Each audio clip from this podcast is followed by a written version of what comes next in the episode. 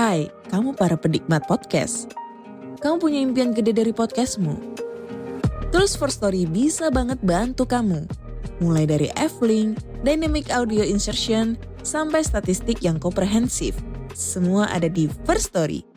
Gak ketinggalan kamu bisa monetisasi podcastmu lewat iklan dari First Story Ads yang bisa kasih kamu penghasilan dari setiap place podcastmu. Yuk gabung sekarang dengan klik di firststory.me. Sekali lagi, klik di firststory.me. Mari kita bawa mimpi podcastingmu menjadi kenyataan.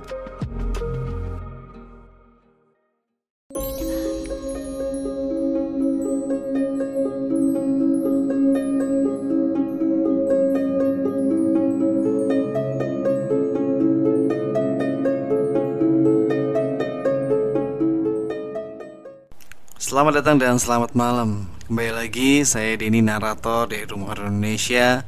Menjumpai kalian untuk membacakan sebuah cerita horor di malam hari ini Untuk menghibur kalian.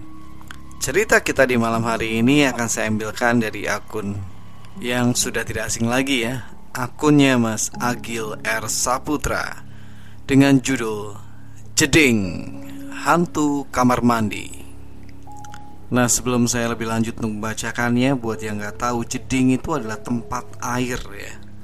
Begini cerita lengkapnya. Suara air yang seakan mengguyur tubuh Beriring dengan suara nyanyian lagu yang menyala dari pemutar piringan hitam. Terdengar oleh telinga Marlina Ia yang tengah membaca buku sejenak berhenti Mencermati suara dari kamar mandi di jam 9 malam itu. Tumben Si Bibi mandi di kamar mandi itu. Batin Marlina seraya mengintip dari celah di pintu kamarnya. Ia mengira kalau itu adalah si Bibi Pembantu rumahnya. Karena biasanya si Bibi selalu menggunakan kamar mandi belakang.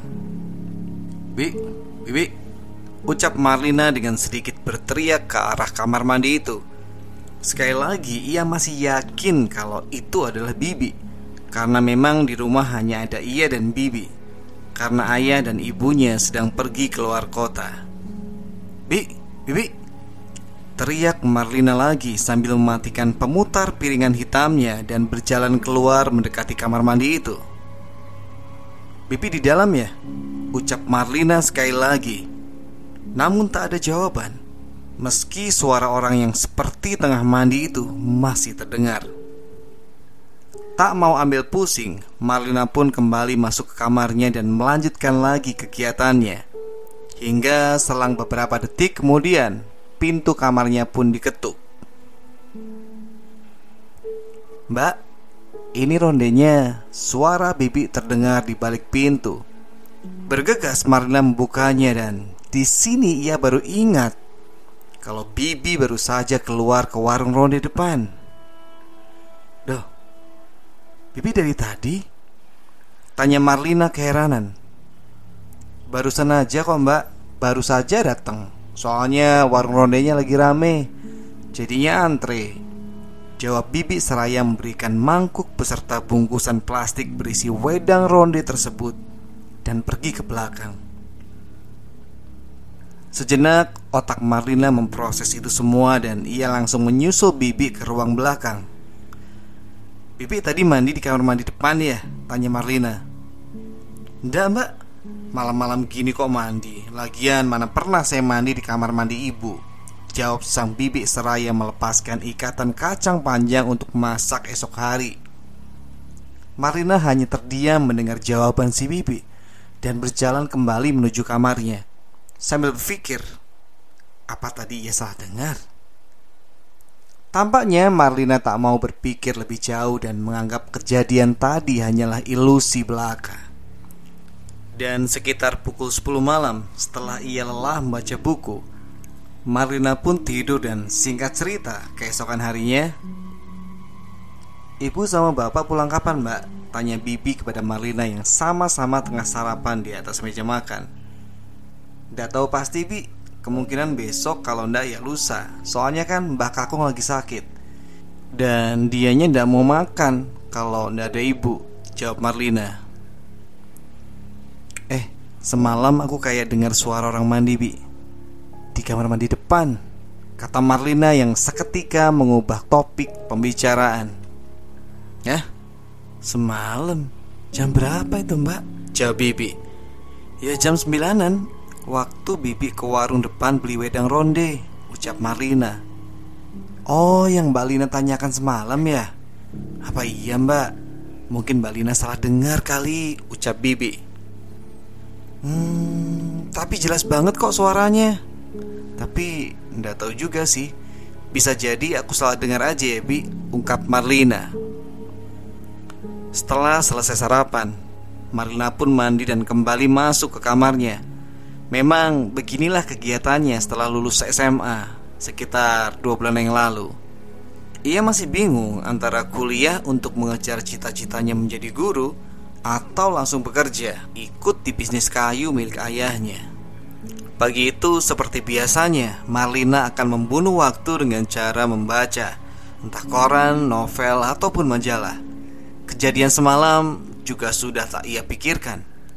Marlina menganggapnya hanya salah dengar saja, hingga ada bau wangi yang tercium.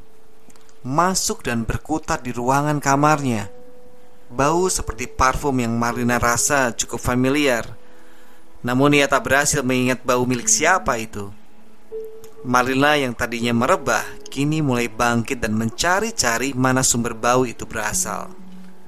Ia mengendus di setiap sudut kamarnya. Bau itu terus bergeser Dan perlahan menuntun Marlina untuk keluar dari kamarnya Benar saja, di luar ruangan Bau itu semakin kuat dan bersamaan dengan itu terdengar suara orang beraktivitas di dalam kamar mandi. Ya, suara itu terdengar lagi. Seketika Marlina langsung menoleh ke arah kamar mandi itu dan berjalan perlahan ke arahnya sampai ia sadar kalau semakin ia dekat dengan kamar mandi itu, bau wangi ini semakin kuat.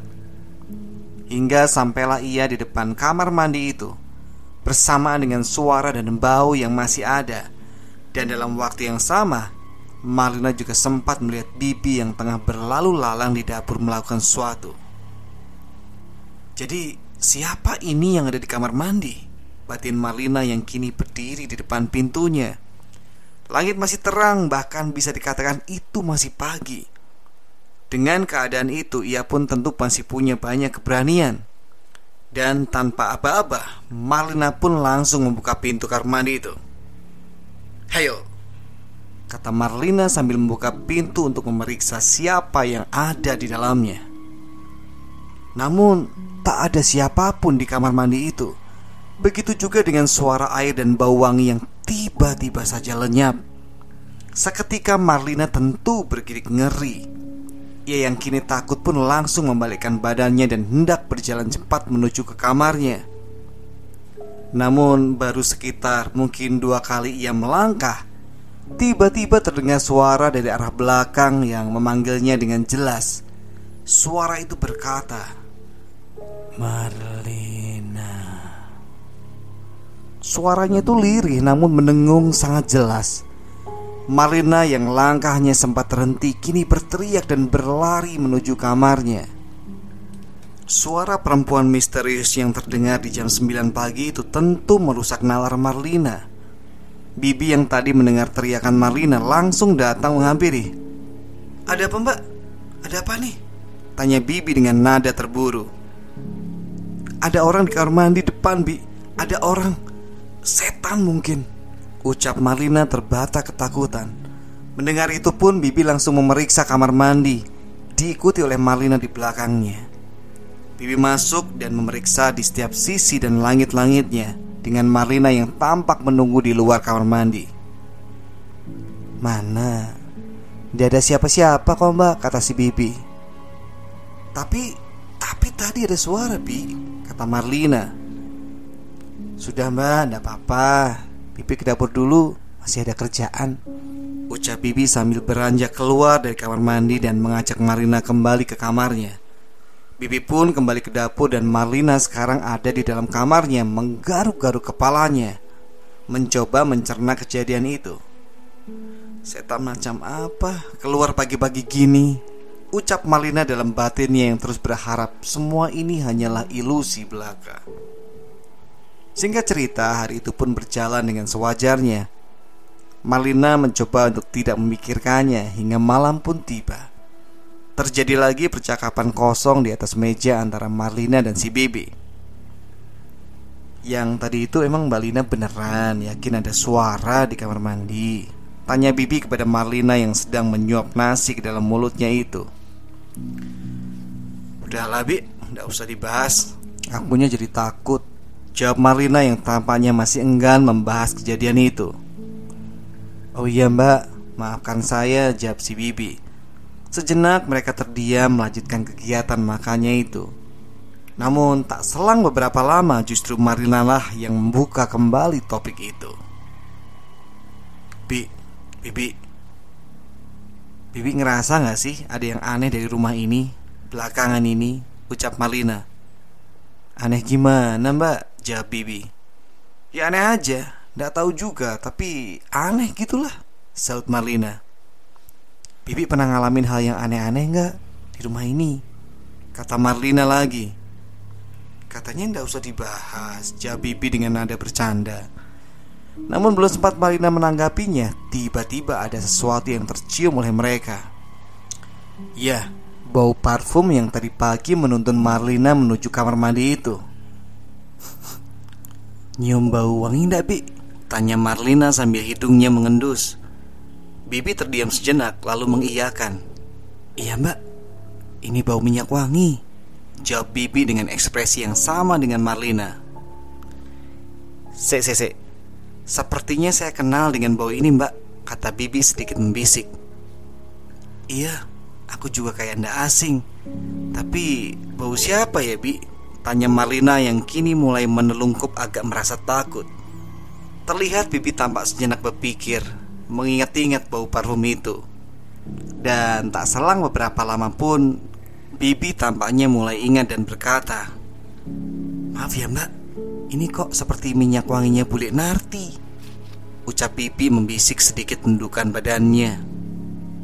Dan di sini pun Marlina baru sadar Ingatannya mulai kembali mendengar kata Bibi barusan Marlina kini benar-benar ingat bau minyak wangi ini Ini adalah milik bulik narti Adik ayahnya yang baru meninggal sekitar dua bulan yang lalu dan di sini Marlina juga mulai menyadari bahwa suara yang memanggilnya saat di kamar mandi tadi adalah suara dari Bulik Narti. Rasa takut mulai terbangun di antara Bibi dan Marlina di atas meja makan itu. Mereka kini tampak saling pandang tanpa kata, seakan tak tahu harus berbuat apa. Sementara bau wangi parfum itu kini semakin menyengat mengitari ruang makan. Dan bersamaan dengan itu, tiba-tiba lampu mulai terang redup menambah suasana mencekam di malam yang sebenarnya belum terlalu larut itu. Ayo kita ke ruang depan aja mbak Ucap Bibi yang bangkit dari tempat duduknya Mereka pun bergegas menuju ruang depan dan duduk di sana untuk mengurangi rasa takut mereka itu Entah berapa lama mereka duduk saling diam di ruang tamu. Yang jelas bau wangi itu kini seakan mengikuti mereka di ruang tamu. Membuat Marlina yang merasa tak nyaman kini mengajak Bibi untuk keluar dari rumah ini. Kita ke warung ronde aja yuk Bi Kata Marlina sambil berdiri. Bibi pun mengiyakan Dan bergegaslah mereka keluar dari rumah itu Dengan sedikit terburu-buru Tapi ketika Bibi hendak menutup pintu depan dan meninggalkan rumah Tiba-tiba Terdengar suara aktivitas dari kamar mandi. Samar-samar terdengar dari teras depan rumah Bibi dan Marlina yang mendengar itu sempat berhenti sejenak. Nah, beneran Tobi, kata Marlina. Buru-buru Bibi langsung mengunci pintu dan mereka pun segera beranjak menuju warung ronde di pinggir jalan Apa benar itu Buli Narti ya Bi? Tanya Marlina di perjalanan mereka yang tampak gelisah dan agak tergesa-gesa. Nggak tahu mbak. Sudah, nggak usah dipikir. Menurut agama Orang meninggal itu nggak mungkin kembali jadi hantu Kata Bibi menenangkan Marlina. Eh, tapi Bi Dulu kan Buli lantaran sakitnya kan Gara-gara jatuh kepleset di kamar mandi itu. Ungkap Marlina mencoba menghubung-hubungkan hal itu Hingga beberapa saat kemudian Sampailah mereka di warung ronde ujung jalan Mereka sengaja memilih bangku lesehan paling pojok untuk menghindari keramaian di warung itu, sekaligus untuk menenangkan nalarnya setelah kejadian tadi. Tentu tetap jadi obrolan di antara Bibi dan Marina yang topiknya masih seputaran kejadian di rumah tadi. Dengan pembicaraan yang mengalir hingga mau tak mau obrolan tentang Bulik Narti pun terbahas di perbincangan itu. Bulik Narti adalah adik kandung dari ayah Marlina. Beliau adalah anak kesayangan dari orang tuanya, kakek nenek Marlina. Tapi bukan karena pilih kasih, tapi memang karena keadaan beliau yang mempunyai keterbelakangan mental Mungkin karena itu juga Bu Narti tak pernah menikah apalagi punya keturunan Ayah Marlina adalah satu dari beberapa orang yang sangat menyayangi Bu Narti Maka dari itu sejak Mbah Putri meninggal Ayah Marlina memboyong Bu Narti ke rumah dengan maksud untuk merawatnya. Dan sekitar 2-3 tahun berjalan Satu insiden pun terjadi. Bu Narti terpleset di kamar mandi. Dan sejak itu beliau menjadi lumpuh. Setahun berjalan, keadaan Bu Narti semakin parah. Hingga akhirnya beliau meninggal di rumah sakit. Tepatnya dua bulan yang lalu Jam pun terus berlalu. Tak terasa Bibi dan Marlina sudah ngobrol cukup lama di warung ronde itu. Ayo pulang mbak, ajak si Bibi kepada Marlina. Yakin kita mau pulang Bi? Jawab Marlina ragu. Ya pulang dong mbak, masa tidur di sini? Jawab Bibi. Singkat cerita, setelah sedikit perdebatan kecil mereka pun pulang. Walau sebenarnya masih ada rasa takut dan gelisah di raut wajah mereka Dan setelah sampai di depan rumah, tiba-tiba Bibi menghentikan langkahnya dan menyenggol Marlina yang tak begitu memperhatikan Untuk melihat apa yang Bibi lihat Itu siapa di depan rumah mbak? Ucap Bibi pelan seraya matanya menerawang ke arah teras depan rumah yang tak begitu terang itu Marlina yang kini juga menyadari itu pun langsung memegang erat lengan si Bibi. Tampak seorang wanita berbaju putih tengah berdiri mematung di antara anak tangga teras depan rumah. Sinten J? Siapa ya? Ucap Bibi sambil berjalan mendekat bergandengan dengan Marlina. Tak ada jawaban dari orang itu. Bibi pun mengulangi kata-katanya lagi. Sinten G? Kata Bibi lagi dengan nada yang lebih keras Tapi tetap saja tidak ada jawaban. Dengan penuh keraguan mereka pun tetap berjalan semakin mendekat Sambil memandang ke arah orang itu. Hingga akhirnya suasana berubah ketika perlahan sosok itu membayang Dan menghilang sedikit demi sedikit. Langkah mereka tentu terhenti mengetahui hal itu. Tapi mau tak mau mereka tetap harus masuk ke dalam rumah Akhirnya dengan langkah cepat Bibi yang menggandeng tangan Marlina pun langsung menuju pintu dan membuka kunci. Buru-buru mereka masuk ke dalam rumah dan langsung meringkuk di ruang tengah. Otaknya masing-masing masih mencerna apa yang sebenarnya terjadi. Itu tadi apa Bi? Ucap Marlina yang sudah tak tahan. Bibi juga tidak tahu mbak Kata Bibi yang tampak mulai ketakutan. Bibi Bibi tidur di tempatku aja ya Ucap Marlina. Iya mbak. Tapi saya ambil selimut dulu di kamar belakang Jawab si Bibi. Aku ikut. Mereka pun mulai berjalan mengendap ke belakang menuju kamar Bibi. Sesudah mengambil selimut Mereka kembali berjalan. Kali ini menuju kamar Marlina Dengan perasaan yang sama kacaunya. Tapi tiba-tiba di tengah perjalanan Tepatnya di depan kamar mandi Kembali terdengar suara orang mandi. Marlina dan Bibi pun langsung berlari mendengar itu.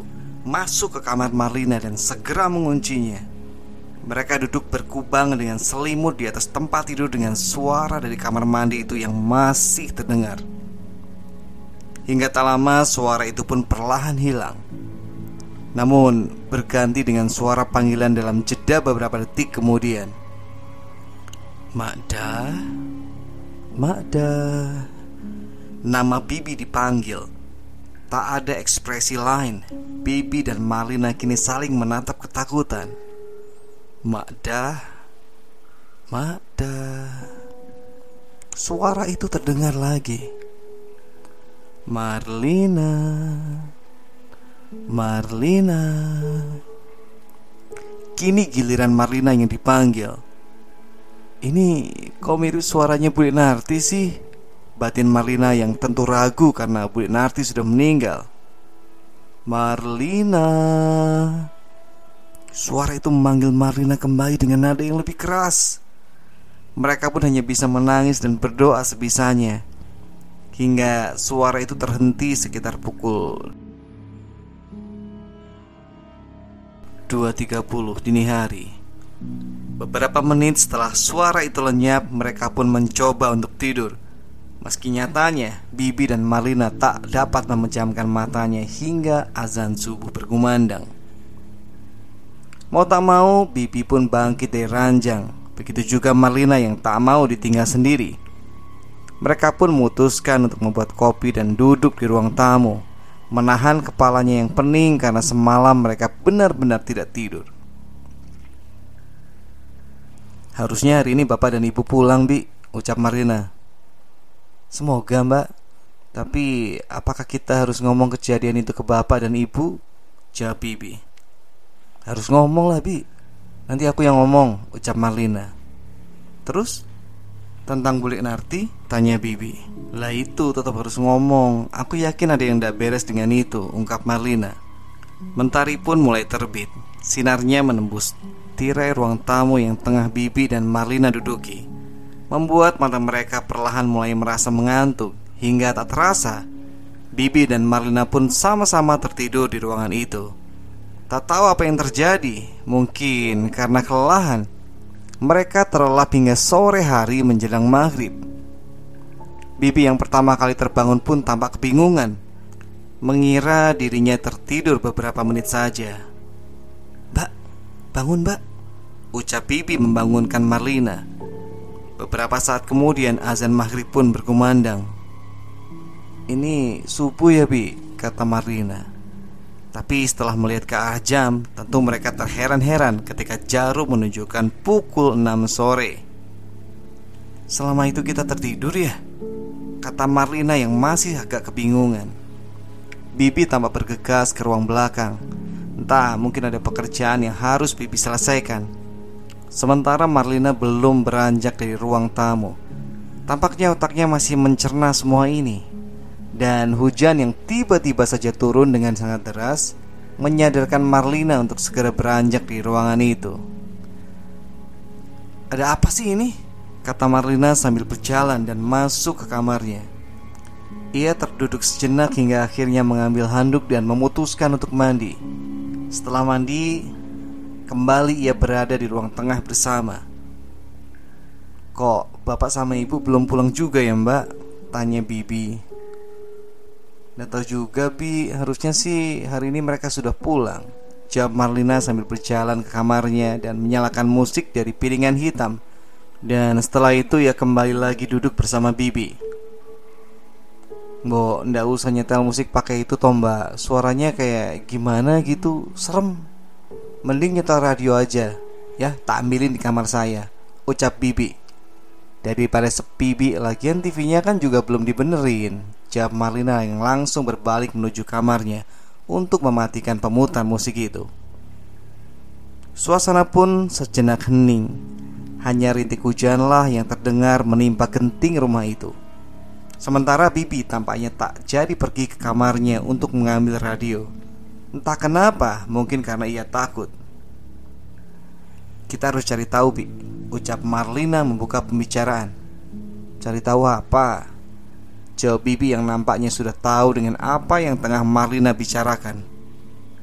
Kita harus cari tahu Kenapa Bule Narti tiba-tiba pulang Tegas Marlina. Tapi bagaimana kita tahu mbak? Bukankah akan lebih baik kita tanyakan ini Sama bapak sama ibu? Jawab Bibi yang mulai serius. Namun tiba-tiba Meh golek ngerti apa? Mau cari tahu apa? Ucap seseorang dari kegelapan. Marina dan Bibi seketika tersentak Mematung saling pandang Namun sama-sama tak berani menoleh ke arah sumber suara itu Jelas ini suara Bulik Narti batin Marlina yang hafal dengan logat gagapnya suara buliknya itu. Madah, Marlina, kok malah gak jawab? Ucap suara dari kegelapan itu. Tampak tangan Bibi yang gemetar kini mencoba untuk menggenggam tangan Marlina. Matanya berisyarat untuk pergi dari tempat ini. Tapi apa daya, tubuh mereka sekarang terasa kaku dan sulit untuk digerakkan. Apalagi bau parfum itu kembali tercium mengitari ruangan itu. Sampai akhirnya mereka yakin suara itu sudah tak terdengar lagi. Dengan sekuat tenaga, Bibi dan Marlina pun bangkit dari tempat duduknya dan berlari ke ruang tamu. Tapi ternyata ini semua belum selesai karena terdengar lagi dari ruang tamu suara dari kamar mandi itu lagi. Seperti biur, biur, biur. Dan kali ini bukan hanya suara air yang mengguyur, tapi juga suara nyanyian di setiap jedanya. Terang bulan, terang bulan di kali, buaya timbul, katanya lah mati. Jangan percaya mulutnya lagi. Berani sumpah, dia takut mati. Bibi dan Marlina hanya bisa terpaku ketakutan mendengar suara dari kamar mandi itu. Sungguh rasa takut yang tidak bisa digambarkan. Kalau saja ada pilihan, mungkin mereka lebih memilih pingsan saja waktu itu. Bibi dan Marlina kini mulai menutup kedua telinganya dengan air mata yang tentu saja menetes. Itu jelas Bu Narti. Itu kebiasaan Bu Narti. Batin Marlina ketakutan. Hingga suara itu pun hilang bersamaan dengan datangnya bapak dan ibu. Ada apa kalian ini kok mukanya aneh begitu? Ucap ayah Marlina ketika masuk dan melihat bibi dan anaknya tengah ketakutan di ruang tamu. Ada apa mbak? Dok, kata sang ibu juga Marlina dan Bibi tak bisa menjawab Dan sang ibu pun datang memeluk Marlina. Ono poton dok, kata ibu. Tak ada yang bisa diucap oleh Marlina kecuali Bule bu, bule narti Kata Marlina sambil menangis dan menunjuk ke arah dalam rumah. Hus, bule narti kenapa? Prinati kan wis meninggal Jawab ibu sambil mengelus kepala Marlina Namun ada yang aneh ketika tiba-tiba ibu menatap ke arah bapak yang kini tampak menghela nafas setelah mendengar nama Bulik Narti disebut oleh anaknya itu. Sudah, sudah. Ayo kita masuk. Bibi, panaskan air. Aku mau mandi Ucap sang ayah mengajak mereka semua untuk beranjak dari ruang tamu. Singkat cerita, malam itu pun berlalu tanpa gangguan. Esoknya berjalan seperti biasa. Pagi-pagi mereka bangun dan sarapan bersama. Ayah, ibu, dan Marlina tampak berada dalam satu meja, sementara si Bibi masih berada di dapur mengerjakan pekerjaannya. Marlina tampak masih penasaran dengan apa yang belakangan ini ia lalui di rumah ini tentang suara dari kamar mandi dan suara yang mirip bulik narti serta sosok wanita berbaju putih yang sempat ia dan Bibi lihat kemarin. Sang ayah juga sepertinya tahu dengan apa yang sedang dipikirkan oleh Marlina Karena semua itu terlihat dari raut mukanya. Dan di atas meja makan itu Sang ayah mulai berbicara. Dok, yang kamu lihat itu Bukanlah Bu Narti Ucap ayah Marlina mengawali pembicaraan itu. Tapi Suaranya mirip sekali dengan bule pak Apalagi semalam juga terdengar nyanyian dari kamar mandi. Dengan lagu yang dulu suka dinyanyikan sama Bu Narti. Jawab Marlina sampai hampir tersedak oleh makanannya. Bu Narti sudah tenang di sana dok Itu jin yang menyerupai saja Kata si ibu menyela pembicaraan itu. Oke Kalau itu memang jin Tapi kenapa tiba-tiba setelah dua bulan Dia baru datang mengganggu? Tanya Marlina kepada orang tuanya dan di sini sang ayah mulai menjelaskan Sebenarnya bukan karena salah dan tidak salah ya. Ini semua karena Mbah Kakung. Namanya orang Jawa zaman dulu ya. Mbah Kakung itu suka ngoleksi barang-barang antik Kata sang ayah. Terus apa hubungannya pak? Tanya Marlina yang mulai serius memperhatikan. Jadi Mbah Kakung itu punya salah satu keris. Dan kata Mbah Kakung Jin penunggu keris itu sangat sayang dengan Bule Narti. Keris itu didapat Mbah Kakung waktu Bule masih kecil. Nah, saking sayangnya, ini kata Mbah Kakung loh ya. Jin wanita penunggu keris itu suka menjelma menjadi Bule Narti. Itu Bapak percaya. Karena dulu Bapak waktu muda juga pernah melihat ada dua Bule Narti di rumah Mbah Kakung. Yang satu ada di kamar, yang satu ada di dapur. Bahkan kemarin malam pun waktu kita di rumah Mbah Kakung Bapak juga melihat Bulik Narti Duduk anteng di ruang tamu. Ini loh ibumu sampai nangis Nyangka itu adalah Bulik Narti beneran Ucap sang ayah seraya menunjuk sang ibu. Lantas kenapa tiba-tiba saja jin itu mengganggu ke sini pak? Tanya Marlina yang masih belum menemukan jawaban dari apa yang sedari tadi ia tanyakan dan ayah pun kembali melanjutkan ceritanya. Se, se Jadi Mbak Kakung itu kan sudah tua Dan beliau merasa harus mewariskan barang antik itu kepada anak-anaknya. Nah, kebetulan keris itu diwariskan ke bapak. Katanya karena bapak adalah anak yang paling gemati. Gemati itu menyayangi. Gemati ke Bulik Narti. Bapak jelas tidak mau toh. Tapi Mbah Kakung malah bilang Lawong rantam sari sing ngarep kok gelem ra gelem tetep melu kowe. Lawong itu maunya rantam sari kok, mau tidak mau tetap ikut kamu. Ucap Mbak Kakung kepada ayah Marlina sambil menyebut nama jin penunggu keris itu. Jadi karena ini weling orang tua, mau tidak mau bapak harus menuruti itu, Nduk. Keris sudah bapak bawa tapi masih bapak tinggal di mobil, ucap sang ayah menyudahi pembicaraan itu. Marlina tampak terdiam setelah mendengar pembicaraan dari ayahnya itu. Nalarnya mendadak kacau. Apa-apaan ini? Kata hatinya memberontak. Tapi Marlina adalah tipe anak yang sangat patuh dengan orang tuanya. Dan mau tidak mau, meski dengan penuh keraguan, ia mencoba menerima keputusan keluarganya itu. Berharap setelah Chris itu berada di rumahnya, sosok yang menyerupai Bulik Narti itu tak lagi mengganggunya.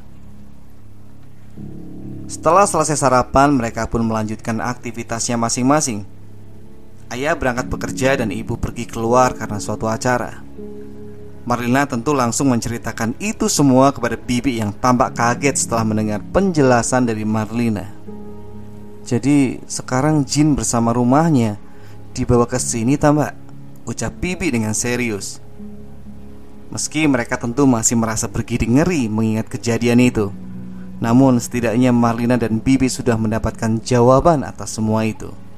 Singkat cerita, malamnya sekitar pukul satu dini hari Ketika semua orang di rumah sudah terlelap Kejadian itu terjadi lagi Yang kali ini tentu dialami oleh semua penghuni rumah. Mulai dari suara biur-biur itu Kemudian lagu terang bulan Terang bulan di kali buaya timbul Katanya mati Suara air yang mengguyur tubuh itu kembali muncul di kamar mandi Bersama dengan suara nyanyian lagu Terang Bulan Yang mirip sekali dengan suara dari Pulik Narti. Sang ayah yang pertama terbangun mendengar itu Langsung membangunkan istrinya. Bu, bu Kata ayah dengan matanya yang mengisyaratkan tentang bunyi itu. Sang ibu yang juga mendengar jelas suara itu Kini tampak terperanjat dan memegang lengan sang ayah Kerisnya di mana tuh pak? Kata sang ibu membisik. Ya masih di mobil tuh bu. Bapak lupa. Jawab sang ayah seraya ingin beranjak keluar kamar. Mau ke mana pak? Kata ibu sambil menahan lengan ayah. Mau keluar. Bapak penasaran apa maunya? Jawab ayah sambil melepaskan lengannya yang dipegang oleh istrinya itu. Ayah pun kini mengendap keluar diikuti oleh ibu yang berjalan memegang belakang tubuh ayah. Perlahan pintu pun dibuka dengan suara air mengguyur di kamar mandi dan nyanyian itu yang masih terdengar jelas. Dan bersamaan dengan itu, ternyata Marlina dan si Bibi juga terbangun oleh suara itu. Marlina tampak mengintip juga dari celah pintu kamarnya yang sedikit ia buka. Begitu juga dengan si Bibi yang separuh badannya sudah berada di luar kamar. Ayah dan ibu pun kini keluar dan berjalan mendekat ke arah kamar mandi itu. Malina yang memang kamarnya berhadapan dengan kamar orang tuanya tentu melihat. Dan kini ia pun ikut juga keluar dari kamarnya. Isyarat ibu ketika melihat Marlina dan menunjuk tangannya Menyuruh Marlina untuk berada di belakangnya. Sementara itu Bibi yang juga melihat itu pun mendekat. Masih terdengar suara orang mandi Juga dengan lagu terang bulan tadi Ini sudah gila Suara itu masih terdengar jelas dari kamar mandi itu. Ayah, ibu, Marlina, dan Bibi kini benar-benar menyadari dan hampir yakin kalau itu adalah suara dari Bulik Narti ketika mendengar nyanyian itu. Sang ayah yang pertama kali mendengar suara jin penunggu keris itu menirukan Bulik Narti, mulai terbawa suasana. Ia seperti mendengar kembali suara adik kesayangannya yang sudah meninggal dua bulan yang lalu. Sambil menangis sang ayah berkata dengan terbata Dek Dek hati Ucap ayahnya bergetar. Sang ibu yang menyadari suaminya itu mulai terkecoh Langsung menarik tubuh sang ayah. Nyebut pak. Nyebut pak. Narti kue serawono Nyebut pak. Nyebut pak. Dek Narti itu sudah tidak ada Kata ibu meski ia juga mengucapkan sambil menangis. Dan tiba-tiba Seketika pintu kamar mandi itu pun mendadak terbuka. Seperti ada yang membantingnya Bersamaan dengan suara air dan nyanyian yang juga menghilang. Mata semua orang tentu kini tertuju ke arah kamar mandi. Tak ada yang melihat selain kegelapan di dalam kamar mandi itu. Namun perlahan dengan samar mulai muncul sosok putih yang keluar dari kegelapan. Mereka semua terpaku melihat itu Kaki-kakinya terasa dikunci untuk tak bisa berlari. Begitu juga dengan matanya yang seakan memaksa mereka untuk menyaksikan tontonan ganjil ini. Dan sosok itu kini semakin terlihat jelas berdiri di depan kamar mandi, memperlihatkan wujudnya yang sesungguhnya. Sosok wanita dengan rambut yang disanggul, mengenakan kebaya putih, namun dengan tinggi yang tak wajar. Kepalanya hampir menyentuh langit-langit rumah. Jelas ini bukan Bulinarti. Melainkan memang jin penunggu keris itu. Sosok itu pun berjalan satu langkah ke depan. Sedikit mendekati ayah, ibu, Marina dan Bibi yang masih terpaku tak bergerak. Dengan suara yang masih menyerupai Bulinarti Sosok itu pun berkata Aku orang jaluk opo-opo Aku mau pengen cedak karo pangone geblake narti. Aku tidak meminta apa pun Aku hanya ingin dekat dengan tempat terakhir Narti hidup. Ucap sosok itu sambil menunjukkan jari telunjuknya ke arah depan rumah. Dan sosok itu pun berjalan mundur kembali masuk ke kamar mandi setelah mengucapkan itu Bersama dengan mereka kini yang mulai bisa menggerakkan tubuhnya. Ibu, Marlina dan Bibi langsung roboh dan berlari merangkak tanpa arah sambil berteriak ketakutan Sementara sang ayah masih berdiri di tempat yang sama dan tampaknya menata nafasnya. Tapi sepertinya ayah tahu apa yang harus ia lakukan. Dengan langkah yang tanpa ragu, ayah pun mulai berjalan ke arah depan rumah, meraih kunci mobil yang tergantung di atas kaca cermin di ruang tengah. Ayah pun berjalan menuju mobil yang ia parkir di halaman. Dengan hati yang mungkin bergejolak, ayah membuka pintu mobilnya dan mengambil keris itu yang terhunus oleh kain kafan putih. Dengan gemetar, ayah membawa keris itu masuk ke dalam rumahnya dan meletakkan keris itu di dalam lemari yang berada di kamar belakang, samping kamar bibi, di mana kamar itu adalah kamar dari mendiang Bulinarti. Sang ayah kembali ke ruang tengah menghampiri ibu, bibi, dan Marlina yang masih tampak syok setelah kejadian ini. Mereka pun kini duduk saling diam dengan bau minyak wangi yang tiba-tiba tercium tajam memenuhi ruangan itu. Bau minyak wangi yang itu mereka kenali sebagai bau minyak wangi milik Bulik Narti. Bau itu sempat bertahan beberapa saat hingga akhirnya muncul suara yang mengiringi hilangnya bau itu. Dan dengan lokat yang masih menyerupai Bulik Narti, suara itu mengatakan, "Matur sembah nuwun." Dan itulah terakhir kalinya entah demit, jin atau lembut penunggu keris yang menyerupai Narti itu menunjukkan keberadaannya karena setelah itu tak ada lagi kejadian serupa yang dialami oleh Marlina, ayah, ibu maupun bibi. Yang jelas, hari-hari di mana teror itu berlangsung akan menjadi hari yang tak akan pernah mereka lupakan seumur hidupnya. Oke teman-teman, sekian cerita horor untuk malam hari ini. Terima kasih buat kalian yang sudah mendengarkan sampai akhir dan juga menyempatkan diri untuk like, comment, share, dan juga subscribe di channel ini. Ketemu di cerita horor berikutnya. Selamat malam, selamat beristirahat.